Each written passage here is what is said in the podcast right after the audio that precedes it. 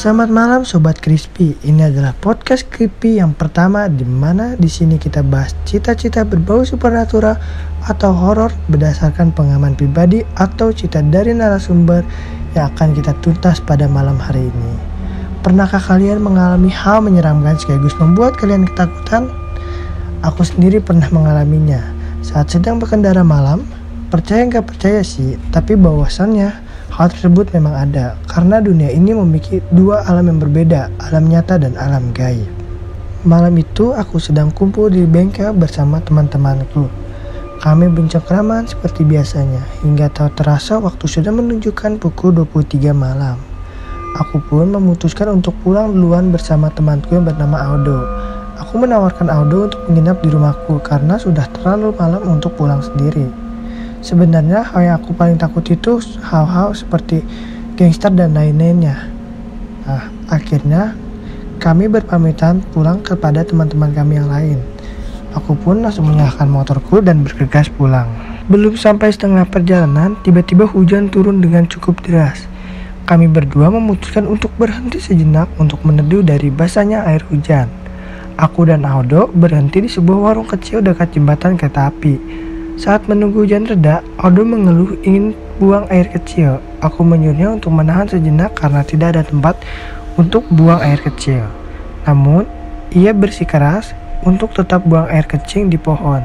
Saat ia jalan menuju pohon, aku duduk di atas motor sambil meminum kopi yang baru saja disajikan. Setelah buang air kecil, Aldo sempat melayangkan pandangannya untuk mengamati keadaan sekitar. Bulu kuduknya mulai berdiri tak jelas. Ia langsung menghampiriku yang kini sudah duduk di kursi warung kecil tadi. Kenapa? Kok merinding gitu? Kedinginan? Tanyaku pada Aldo. Ia tidak menjawab. Nih minum dulu kopinya biar badan lu anget. Ucapku serasa menyodorkan segelas kopi panas dengan asap yang masih mengepul. Karena hujan masih cukup deras dan belum ada tanda-tanda berhenti, kami memutuskan untuk memesan mie goreng instan lengkap dengan telur dan sedikit nasi putih. Kebetulan pengunjung warung itu hanya kami berdua, jadi kami mengobrol santai dengan pemilik warung tersebut. Aldo langsung mengambil sebungkus sukros sebagai pelengkap hidangan kami. Namun, sang pemilik warung langsung inisiatif menegur kami. Sampahnya dibuang ke tempat sampah aja ya mas, jangan dilempar ke rel, ujar pemilik warung kepada kami. Tetapi kami tidak mengindahkan perkataan tersebut. Ah, paling biar warung dia bersih aja ya gak rel, tanya Aldo sambil tetap membuang sampah sukro rel kereta api. Sudah hampir satu jam kami berteduh di sini, tetapi hujan tak kunjung reda. Tak lama kami mencium bau tak sedap seperti bau bangkai yang berasal dari bawah rel. Ah, paling bangkai tikus, ucapku pada Aldo yang terlihat agak bingung. Semakin lama, semakin bau bangkai semakin menyengat. Karena penasaran dan merasa terganggu, kami memutuskan untuk melihat ke bawah rel. Tetapi nihil, kami tidak menemukan sumber bau tersebut. Namun, ekor mataku menangkap sesosok wanita berpakaian serba putih dengan noda darah membasahi sekujur wajahnya yang tengah berdiam di dalam terowongan. Wajahnya hancur, bola matanya nyaris keluar. Pecahan kaca seperti masih menancap di pelipis wanita tersebut.